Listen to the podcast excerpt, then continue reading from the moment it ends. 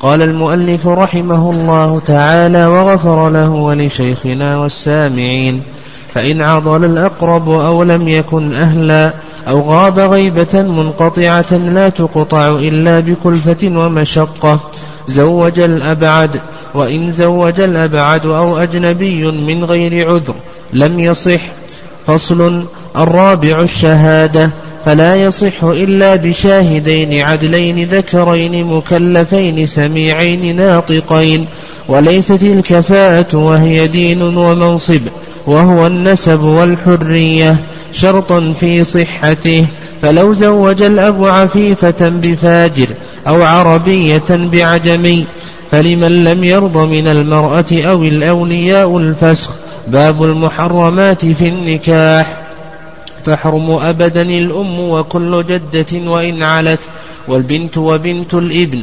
وبنتاهما من حلال وحرام وإن سفلت وكل أخ وكل أخت وبنتها وبنت ابنتها وبنت كل أخ وبنتها وبنت ابنه وبنتها وإن سفلت وكل عمة وخالة وإن علتا. تقدم أن بدأنا في مسقطات الولاية وذكرنا أن الولاية لها مسقطات. ذكر المؤلف رحمه الله المسقط الأول قال فإن عضل الأقرب. آه هذا المسقط الأول العضل والعضل والعضل في اللغة المنع. وأما في الاصطلاح فكما ذكرنا أن العضل هو أن يمنع الولي موليته كفءا رضيته وبذل ما يصح مهرا. فإذا منع هذا الكفر الكفر الذي رضيته المرأة وقد بذل ما يصح مهرا ف آه، فإن هذا عضل تسقط به ولايته. نعم. ويدل لذلك قول الله عز وجل وإذا طلقتم النساء فبلغن أجلهن فلا تعذروهن أن ينكحن أزواجهن. سبب نزول هذه الآية أنها نزلت في معقل ابن يسار كما في صحيح البخاري. فإن معقلا منع أخته من التزويج بزوجها الأول. لما طلقها وأراد أن يتزوجها مرة أخرى منعها أن تتزوجه فنزلت هذه الآية. قال فإن عضل الأقرب أو لم يكن أهلا هذا الأمر الثاني أو المسقط الثاني من مسقطات الولاية أن يكون الأقرب غير أهل كما لو كان كافرا أو كان صغيرا أو كان مجنونا فإن ولايته تسقط وتنتقل إلى من بعده. فإذا كان الأقرب غير أهل نقول بأن ولايته تسقط وتنتقل هذه الولاية إلى من بعده.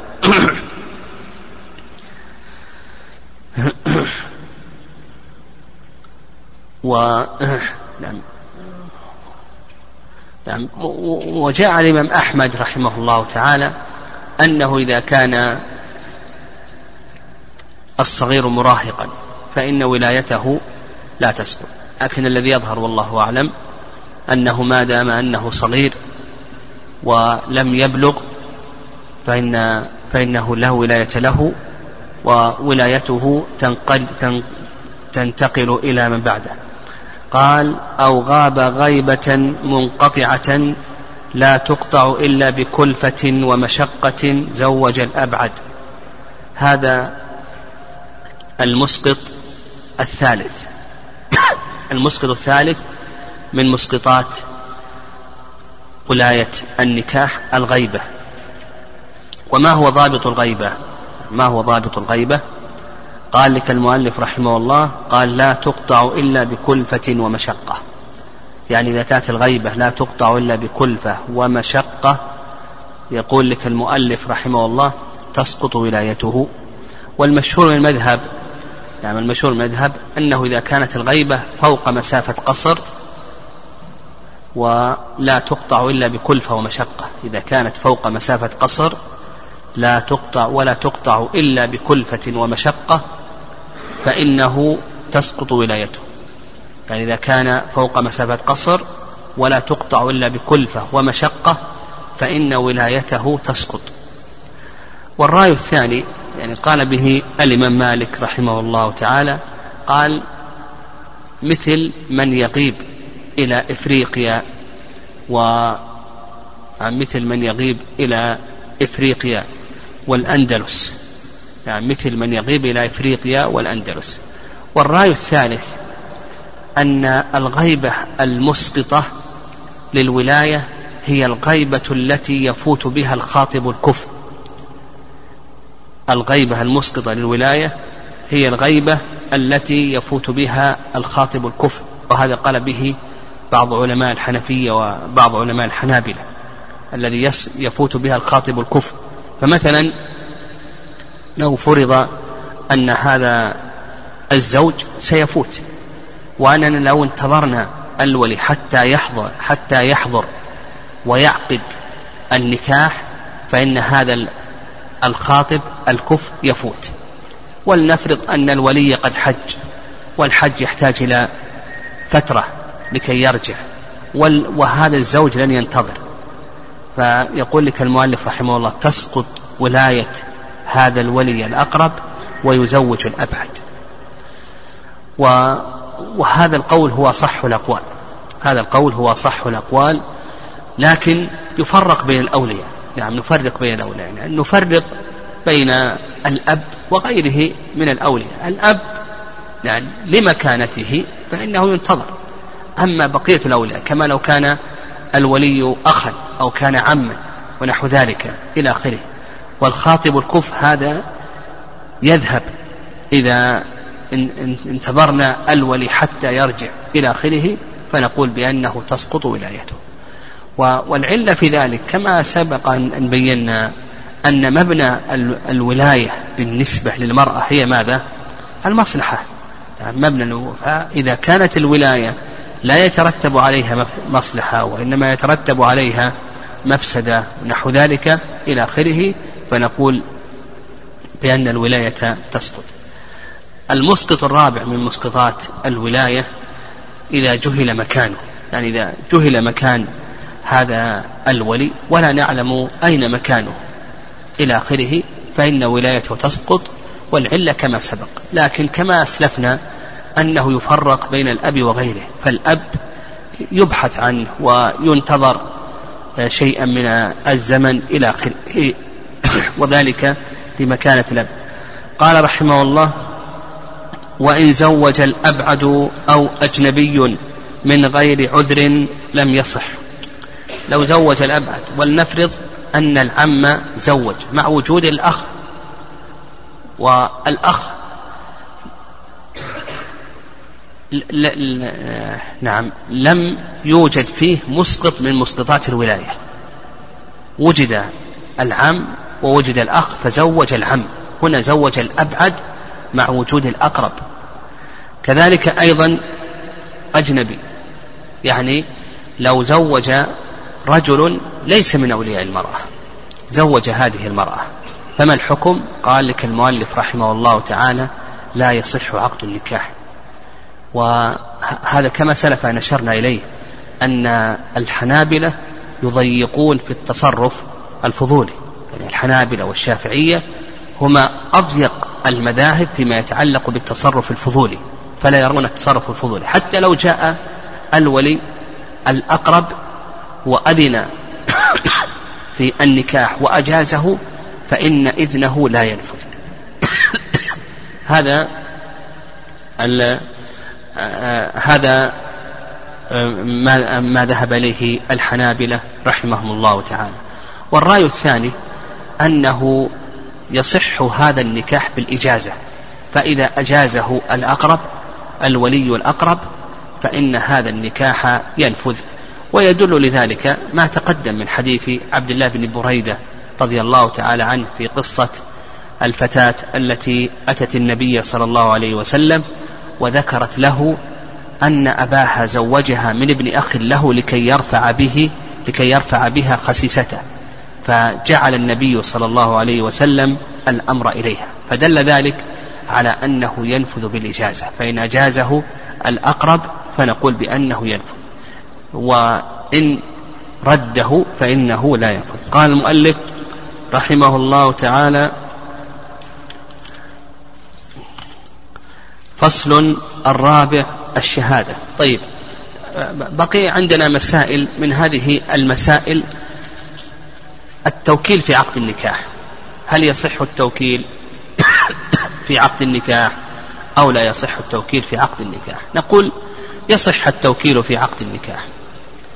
فيصح أن يوكل الولي من يعقد لموليته ويصح أيضا أن يوكل الزوج من يعقد له. فالتوكيل في عقد النكاح نقول بأن هذا جائز ولا بأس به ويدل لذلك نعم أن النبي صلى الله عليه وسلم وكل في تزوجه لأم حبيبة رضي الله تعالى عنها وهذا وإن كان فيه ضعف إلا أن أن أن الأصل في ذلك الصحة والحل. لكن إذا أراد الولي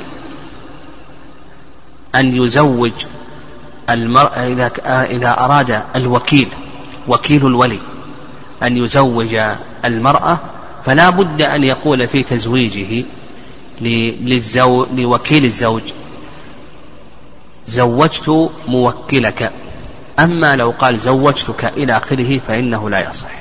يعني وكيل الزوج يقول لوكيل ووكيل الولي يقول لوكيل الزوج زوجت موكلك.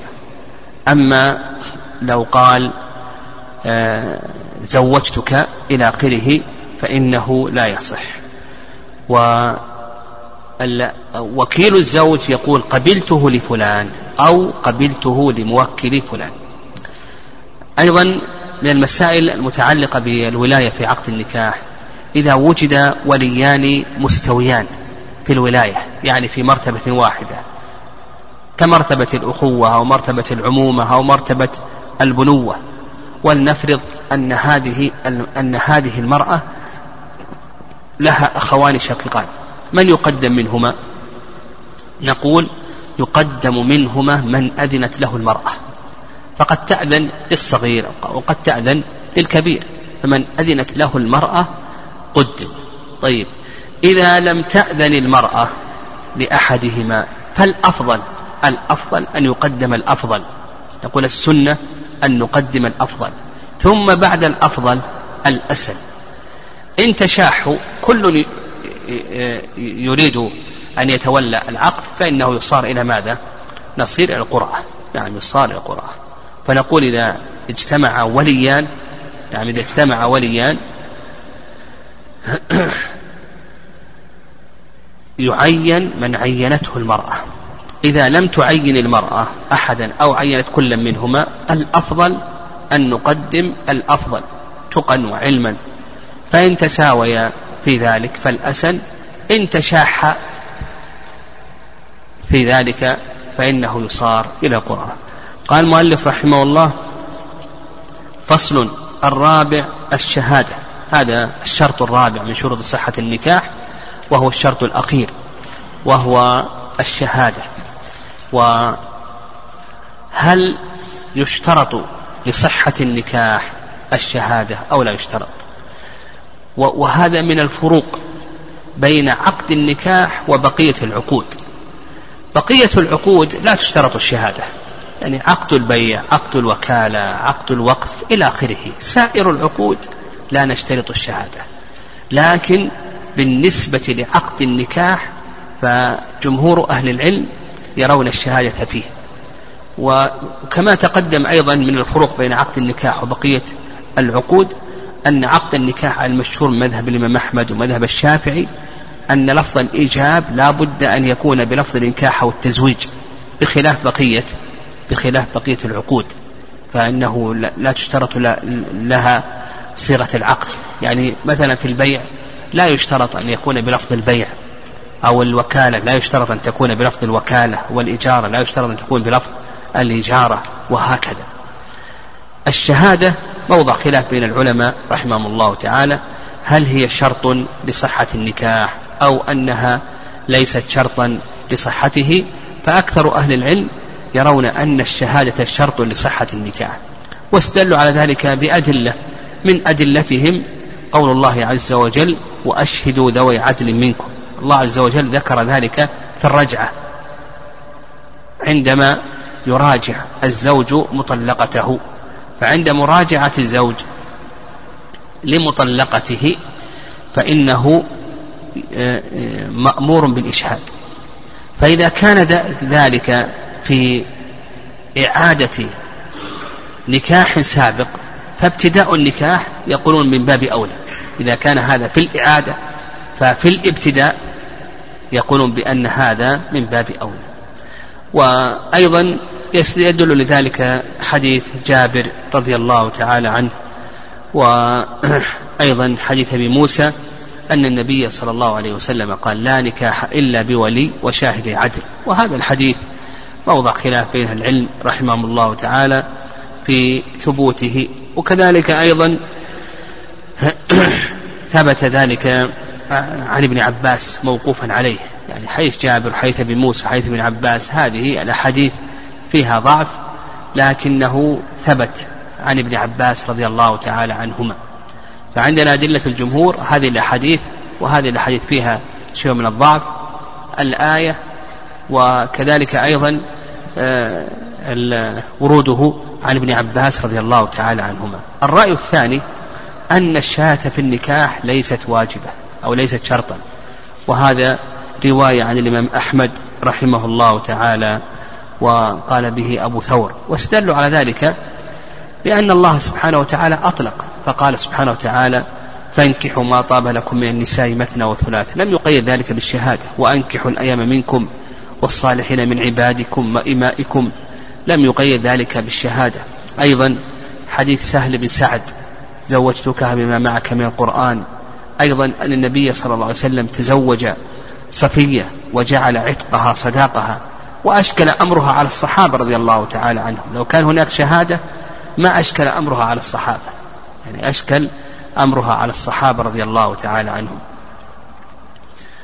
آه، فقالوا بأن الشهادة ليست شرطا. الرأي الثالث نعم الرأي رأي الإمام مالك رحمه الله تعالى. قال الإمام مالك الشهادة ليست شرطا عند العقد لكنها واجبة عند الدخول. يعني إذا لم يشهد عند العقد يستحب يستحب أن يشهد عند العقد. فإن لم يشهد عند العقد فإنه يشهد عند الدخول. هذا رأي الإمام مالك رحمه الله تعالى. وعند شيخ الإسلام تيمية رحمه الله شيخ الإسلام يقول بأنه إذا لم يشهد وأعلن النكاح كفى ذلك. يقول إذا حصل إعلان ولم يحصل إشهاد فالنكاح صحيح. يعني إذا حصل إعلان ولم يحصل إشهاد فالنكاح صحيح. أما إذا لم يحصل إعلان ولا إشهاد فالنكاح لا يصح. وإن حصل إشهاد ولم يحصل إعلان يقول فيه في صحة النكاح نظر. لو حصل إشهاد ولم يحصل إعلان يقول في صحة النكاح نظر. فشيخ الإسلام تيمية رحمه الله يرى أنه يكتفى بأي شيء؟ يكتفى بالإعلان عن الإشهاد وأنه إذا حصل إعلان فإن هذا كاف عن الإشهاد. والأقرب والله أعلم في هذه المسألة نقول ونقول يعني إذا تأملت آه، أصول الشريعة وأن الشريعة تحتاط تحتاط للفروج. نقول الأقرب في هذه المسألة والله أعلم أنه لا بد من الإشهاد في عقد النكاح. هذا الذي يظهر والله أعلم احتياطا للفروج. وأيضا رفعا بالنكاح الذي جاءت به الشريعة عن الزنا الذي نفته الشريعة. قال المؤلف رحمه الله الشهادة فلا يصح إلا بشاهدين عدلين. نعم. هنا شرع المؤلف رحمه الله تعالى في ذكر شروط الشهادة. فقال لك بشاهدين. نعم. يؤخذ من هذا أنه لا بد من التعدد وأنه لا يكتفى بشاهد واحد. ويدل لذلك كما تقدم قول الله عز وجل وأشهدوا ذوي عدل منكم. في الحديث لا نكاح إلا بولي وشاهد عدل إلى آخره. قال المؤلف رحمه الله تعالى عدلين الشرط الأول التعدد الشرط الثاني العدالة. يعني لا بد أن يكون الشاهدان لا بد أن يكون الشاهدان عدلين. وعلى هذا إذا كان فاسقين فإنه لا تصح شهادتهما. ودليلهم على هذا قوله عليه الصلاة والسلام كما في الحديث وشاهد عدل. لكن هذا الحديث كما ذكرنا فيه ضعف. ولهذا الحنفية لا يشترطون العدالة.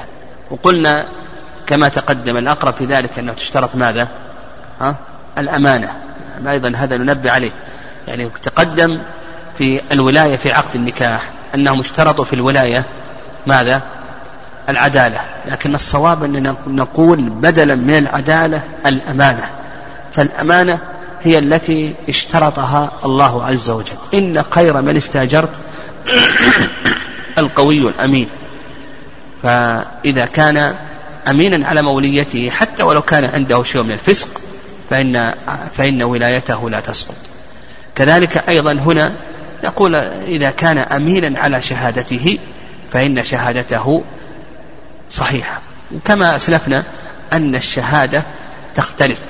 وأن مرجعها إلى العرف فإذا كان هذا الشخص مرضي الخبر لصدقه وعدم كذبه وتسرعه فنقول بأن شهادته صحيحة. قال مكلفين هذا الشرط الثالث. نعم. ذكرين طيب. ذكرين هذا الشرط الثالث أن يكون ذكرين. لا بد أن يكون ذكرين وهذا هو المشهور من مذهب الإمام أحمد رحمه الله تعالى وهو قول أكثر أهل العلم. والرأي الثاني رأي الظاهرية الظاهرية أنه يصح تصح شهادة النساء فيصح أن يشهد ذكر وامرأتان ويصح أن يشهد أربع نسوة. وعند الحنفية أيضا يصح أن يشهد رجل وامرأتان إلى آخره. والصح الصواب أنها لا تشترط الذكورة. الصواب في هذا أن الذكورة لا تشترط. وأن شهادة المرأة مقبولة لأن الضلال الذي يحصل في شهادة المرأة جبر بأي شيء؟ بمضاعفة العدد كما سلف لنا. فإذا وجد امرأتان فإنهما تقومان مقام رجل. وخصوصا إذا فهمنا أن أصل الشهادة هي موضع خلاف بين العلم رحمهم الله تعالى. قال سميعين هذا الشرط الرابع أن يكون مكلفين طيب مكلفين يعني أن يكون بالغين عاقلين لأن غير المكلف لا يوثق بخبره فالمجنون لا تصح عبارته وعبارته ملغاة والصبي الصغير هذا لا يوثق بخبره فنشترط أن يكون مكلفين. أيضا سميعين هذا هو الشرط الرابع. أن يكون سميعين وهذا هو المشهور من مذهب الإمام أحمد وكذلك أيضا مذهب الشافعي أنهما لا بد أن يكون سميعين طيب إن تحمل يعني عن طريق الكتابة يعني هل يصح تحملهما؟ يعني هو يقول لك المؤلف لا بد أن يكون سميعين لكي يسمع الشهادة لكن لو تحمل عن طريق الكتابة. تحمل عن طريق الكتابة. هل تصح شهادتهما أو لا تصح؟ والصحيح في هذا أن شهادتهما صحيحة وأنها مقبولة. فنقول إذا تحمل عن طريق الكتابة نقول بأن شهادتهما صحيحة. قال ناطقين. نعم. أيضا الكلام في هذا هذا الشرط الخامس أن يكون ناطقين وعلى هذا إذا كان أبكمين لا ينطقان فإن شهادتهما لا تصح. والصحيح في ذلك أنهما إذا أديا عن طريق الكتابة أديا عن طريق الكتابة فإن شهادتهما صحيحة. قال نعم قال ناطقين إلى آخره البصر هل هو شرط أو ليس شرطا؟ المؤلف رحمه الله لم يذكره وهذا هو المشهور من المذهب. هذا هو المشهور من المذهب وأن غير المبصر شهادته صحيحة. لأنه أهل للشهادة. قال المؤلف رحمه الله تعالى وليست الكفاءة وهي الدين ومنصب وهو النسب والحرية شرطا في صحته الكفاءة. المؤلف رحمه الله لما تكلم عن شروط الصحة تكلم عن شرط اللزوم. وشرط اللزوم هو الكفاءة كما ذكر المؤلف رحمه الله تعالى.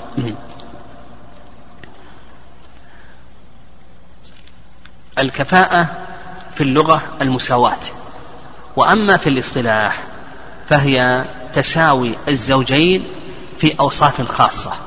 تساوي الزوجين في أوصاف خاصة.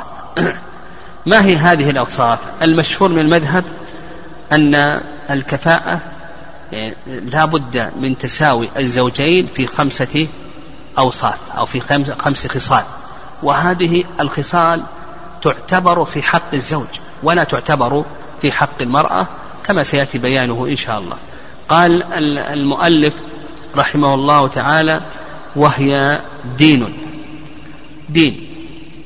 الدين هو أداء الفرائض واجتناب النواهي. الدين. الدين أداء الفرائض واجتناب النواهي. وعلى هذا إذا كانت المرأة عدلا والزوج ليس عدلا المرأة تقوم بأداء الفرائض وتجتنب تجتنب النواهي. أما الزوج ليس عدلا يشرب الدخان أو يحلق لحيته أو نحو ذلك إلى آخره. فالزوج هنا ليس كفءا للزوجة. نعم ليس كفءا للزوجة. و سيأتي نعم سيأتينا أن لمن لم يرضى من الأولياء المشهور من المذهب أن يفسخ عقد النكاح. فمثلا لو أن الأب زوج ابنته رجلا يشرب الدخان. لمن لم يرضى من الأولياء من أبناء عمه حتى ولو كان بعيدا حتى ولو حدث ولد بعد أن تزوجت بعشرين سنة له حق أن يفسخ عقد النكاح. فيقولون الدين هنا ماذا؟ ها؟ اجتناب النواهي وفعل الأوامر. فإذا كانت المرأة عدلا والزوج ليس عدلا فإنه ليس كفءا لهذه المرأة. هذا الأمر الأول. الثاني قال لك دين ومنصب وهو النسب. هذا هذا الأمر الثاني المنصب وهو النسب. ومعنى ذلك أن يكون للمرأة أصل في أنساب العرب. وأما الزوج ليس له أصل في أنساب العرب. فيقولون بأن الزوج ليس كفءا للمرأة.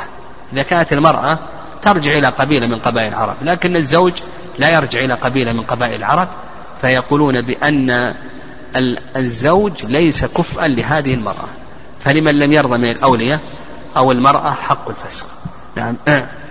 هذا الأمر قال لك والحرية وهو النسب الحرية أيضا. لو كانت الزوج رقيقا وكانت المرأة حرة إلى آخره فلمن لم يرضى من المرأة وبقية الأولياء حق الفسخ قال نعم. بقي أيضا الصناعة غير زرية. يعني أن لو كانت الصناعة لو كان الزوج صناعته زرية مزرية والزوجة من أناس صناعتهم شريفة. فيقول المؤلف رحمه الله بأن الزوجة هنا ليس كفءا لمن؟ للزوجة.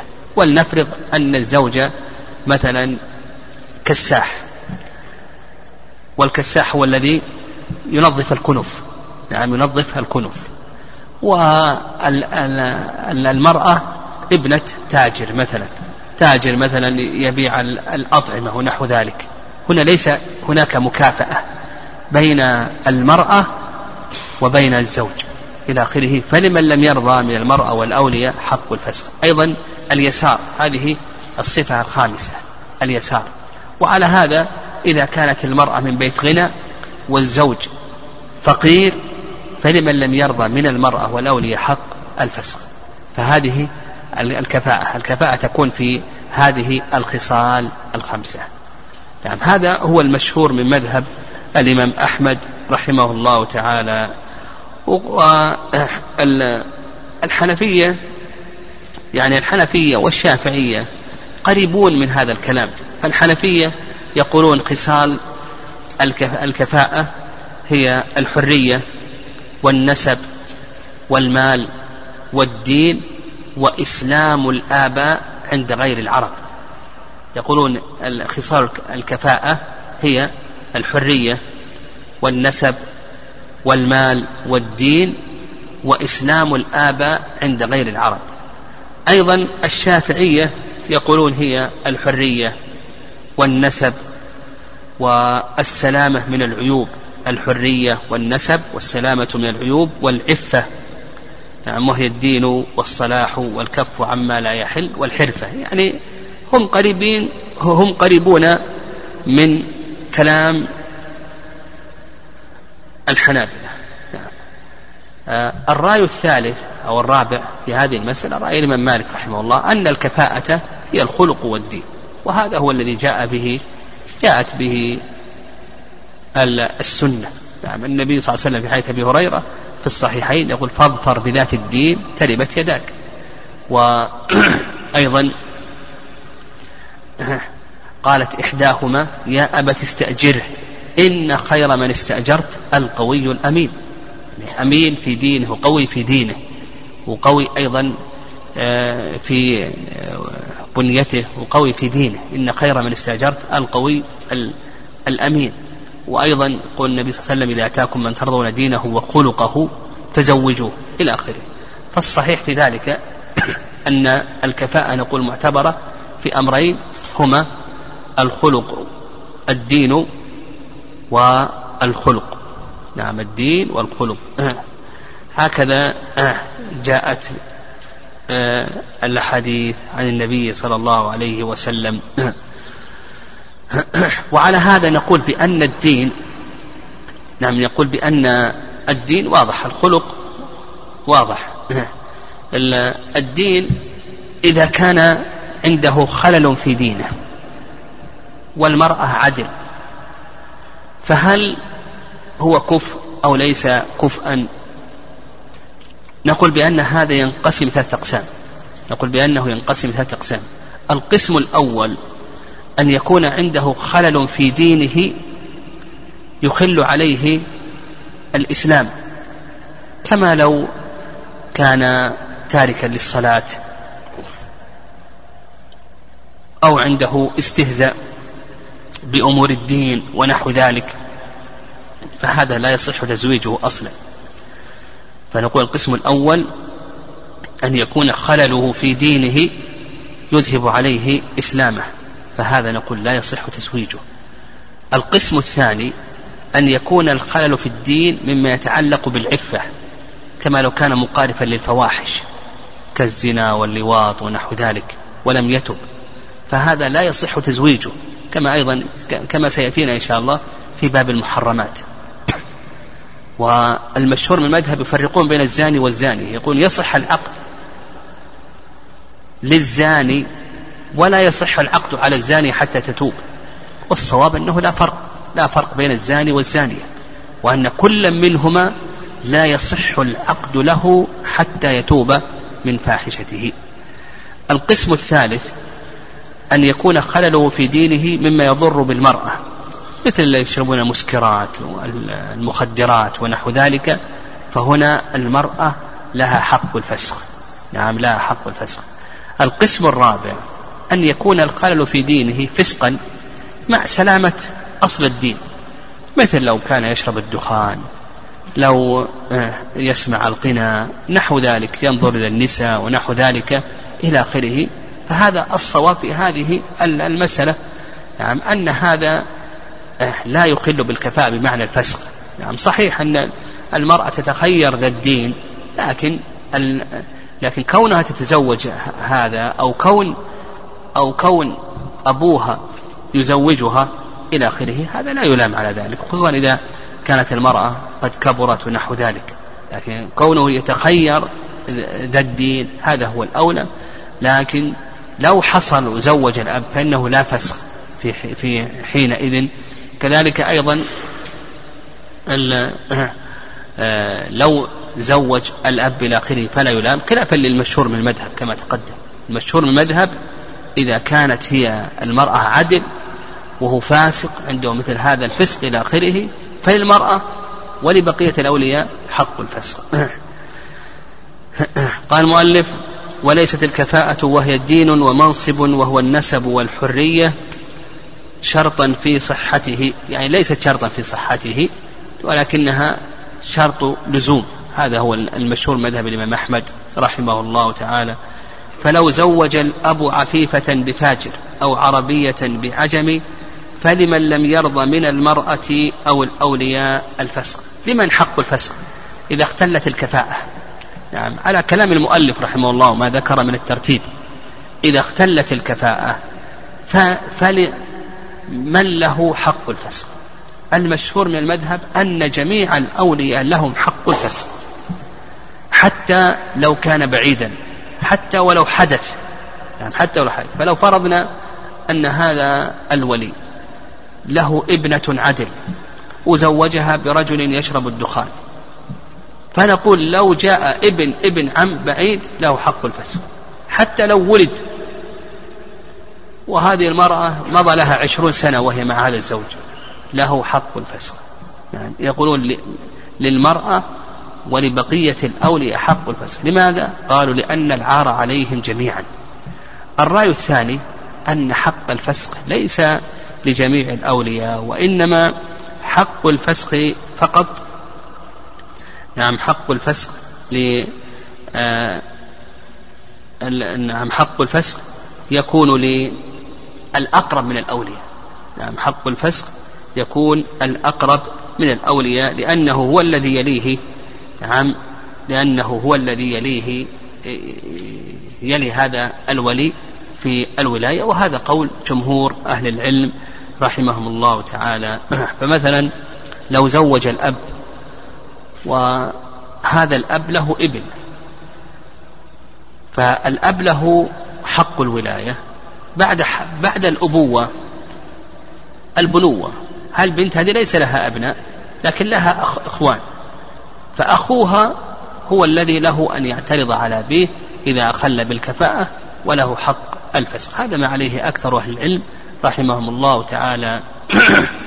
وأن حق الفسق ليس لكل الأولياء كما ذكر المؤلف رحمه الله تعالى إلى آخره لأن هذا يسبب أو يترتب عليه فساد عريض. إلى آخره. ونعم الصواب في هذه المسألة نعم أيضا لو قيل بأن حق الفسخ هو خاص بالمرأة. خاص بالمرأة دون بقية الأولياء لأن القول بذلك قد يترتب عليه فساد عظيم. طيب لحظة. بقي عندنا مسألتان في تتعلقان بالكفاءة. المسألة الأولى أن هذه الأمور معتبرة في من؟ ها؟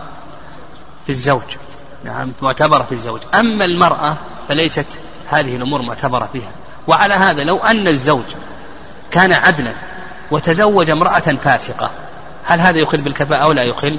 قل لا يخل بالكفاءة أو كان الزوج آه، له أصل في أنساب العرب وتزوج امرأة ليس لها أصل في أنساب العرب فهذا لا بأس إلى آخره. فهذه الأمور تعتبر في الزوج لا تعتبر في الزوجة.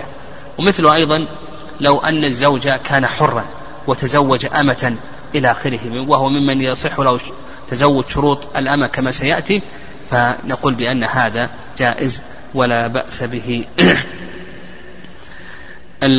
كذلك أيضا هذه الخصال تعتبر عند العقد. نعم دون ما بعده.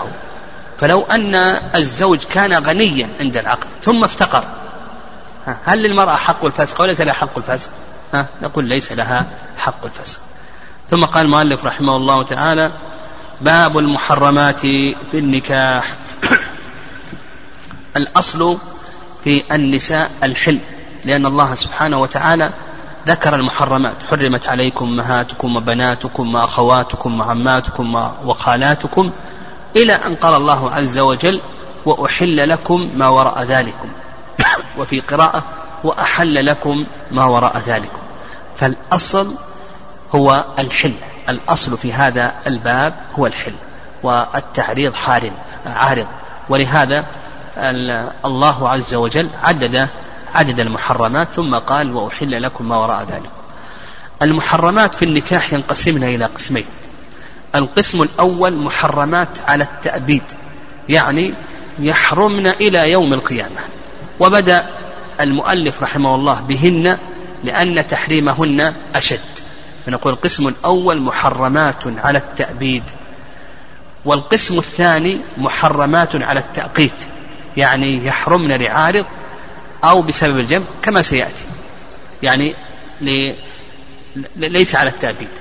فالمحرمات ينقسمن إلى قسمين القسم الأول محرمات على التأبيد والقسم الثاني محرمات على التأقيت. المحرمات على التأبيد نعم المحرمات على التأبيد ينقسمن إلى خمسة أقسام. نعم المحرمات على التأبيد ينقسمن إلى خمسة أقسام. محرمات بسبب النسب محرمات بسبب المصاهرة محرمات بسبب الرضاع محرمات بسبب اللعان محرمات بسبب الاحترام. نعم الاحترام. وهذا مضى الآن هن زوجات النبي صلى الله عليه وسلم يحرمن على بقية أمته تعظيما لحق النبي عليه الصلاة والسلام.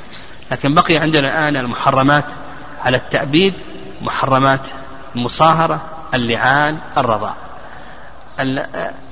بدأ المؤلف رحمه الله بالنوع الأول وهن المحرمات بأي شيء؟ لا بالنسب. نعم قلنا التأبيد خمسة قسمان تأبيد وتأقيت. التأبيد خمسة أنواع. بدأ بالنوع الأول وهن المحرمات على سبيل النسب. نعم على سبيل النسب وهن المذكورات في سورة النساء. نعم. قال فتحرم أبدا الأم وكل جدة وإن علت. هذه الأولى. نعم والمحرمات بالنسب سبع. نعم سبع. نعم. الأولى الأم وجداتها وإن علون سواء كان ذلك من قبل الأم أو كان ذلك من قبل الأب. فالأم وأمها وإن علت وأم الأب إلى آخره. وإن علت هذه محرمة عليك إلى يوم القيامة إلى يوم القيامة. أمك وأمهاتها وأم, وأم أبيك وأمهاته وإن علون محرمات إلى يوم القيامة. وكل جدة وإن علت والبنت هذه الثانية البنت. البنت وبنت البنت وإن نزلت وبنت الابن وإن نزل نعم هؤلاء محرمات إلى يوم القيامة. قال المؤلف رحمه الله وبنتاهما يعني بنت البنت وبنت الابن وإن نزل نزلتا من حلال وحرام وإن سفلت من حلال وحرام.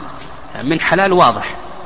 يعني من حلال واضح لكن قوله من حرام ها معنى ذلك بنت الزنا. يعني لو أن رجلا لو أن رجلا زنى بامرأة ثم حملت هذه المرأة من مائه فهل له أن يتزوج هذه البنت؟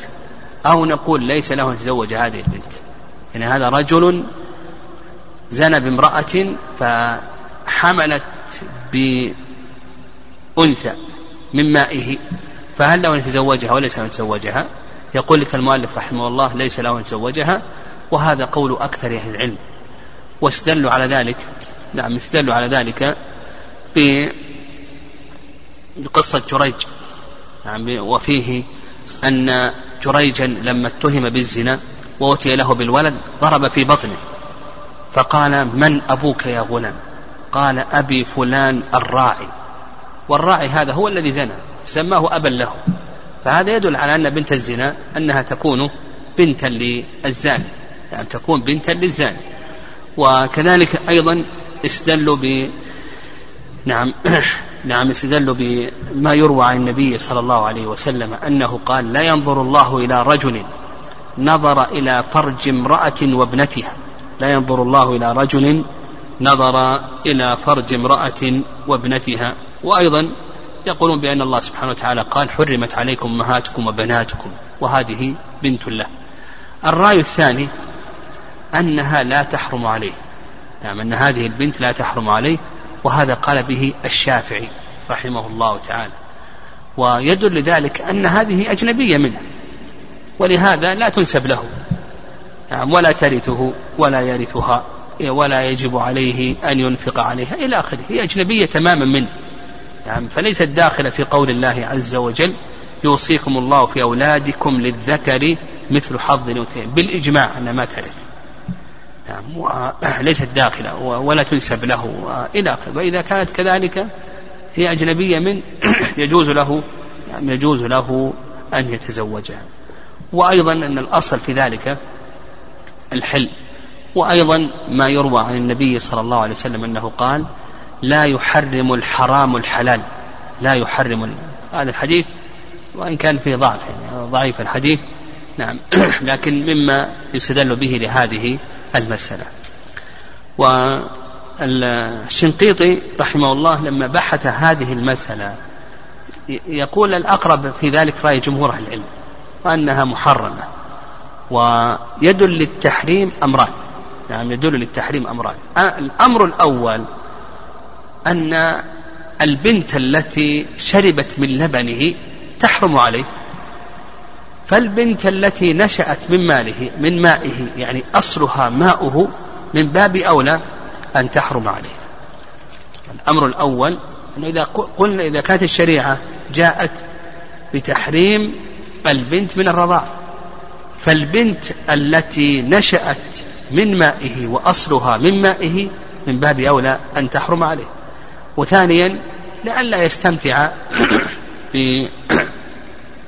بشيء هو هو السبب في نعم في بشيء محرم هو السبب فيه إلى آخره. قال المؤلف رحمه الله وكل أخت وابنتها وبنت بنتها كل أخت هذه الثالثة. الأخت من أي جهة كانت؟ من جهة الأب أو من جهة الأم أو كانت شقيقة إلى آخره؟ يقول بأنها محرمة محرمة إلى يوم القيامة بنتها وبنت بنتها وبنت ابنها. هذه الرابعة. بنت الأخت سواء كانت بنت الأخت من الأب أو من الأم أو كانت شقيقة وبنت بنتها وبنت ابنها وإن نزلت هذه محرمة إلى يوم القيامة. وبنت كل أخ هذه الخامسة. بنت الأخ سواء كان من الأب أو من الأم أو كان شقيقا وبنت بنته وبنت ابنه وإن نزلنا. قال لك وبنتها وإن سفلت وكل عمة وخالة وإن علت. وإن علت. السادسة العمة. العمة وإن علت. عمتك عمتك وعمة أبيك وعمة جدك إلى آخره. وعمة أمك وعمة جدتك إلى آخره وإن علت مثل الخالة. خالتك وخالة أبيك وخالة أمك وخالة جدتك إلى آخره وإن علت. ودليل هذه المحرمات هؤلاء المحرمات السبع آه، بالنسب. الآية في سورة النساء حرمت عليكم أمهاتكم وبناتكم وأخواتكم وعماتكم وخالاتكم وبنات الأخ وبنات الأخت.